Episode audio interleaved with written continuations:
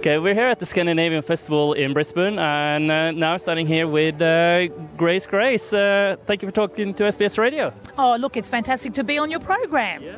And you have just uh, officially opened the uh, festival here, but can you tell me what is important with festivals like this around Brisbane?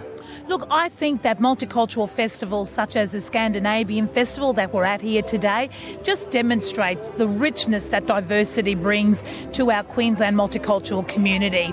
And having everyone come together, living harmoniously, enjoying each other's culture, food, music, it is just wonderful. And um, today's festival is probably one of the biggest that I've seen. I've been here in the last five years, so it's great to be here at the Scandinavian Festival. So you said you've been here for the last five years. Uh, have you seen much uh, change to the festival? Has it grown? It has just grown and grown and grown. And today I think we do have a record crowd. Brisbane obviously has turned on the beautiful weather. It's a gorgeous day, so it's brought them all outdoors. And it's good to see that they're here enjoying everything wonderful about Scandinavian food, culture, dance, and music. And they're all enjoying themselves, that's for sure. Yeah. And you mentioned uh, food. Do you have any Scandinavian food you like to try yourself? Oh, yes, I do. I love those open sandwiches with on the rye bread. I think they are beautiful. I'm looking forward to having some of those for lunch. They're, they're very healthy and just really un, unusual and beautifully kind of Scandinavian in a way. So I really do enjoy that. But the music we can hear in the background, everyone's enjoying themselves. You know, the Danish club, Soren and his team, and Lone, his wife. You know, there's 200 volunteers here. It's wonderful. And to have everyone enjoying multiculturalism as multicultural minister, it warms my heart.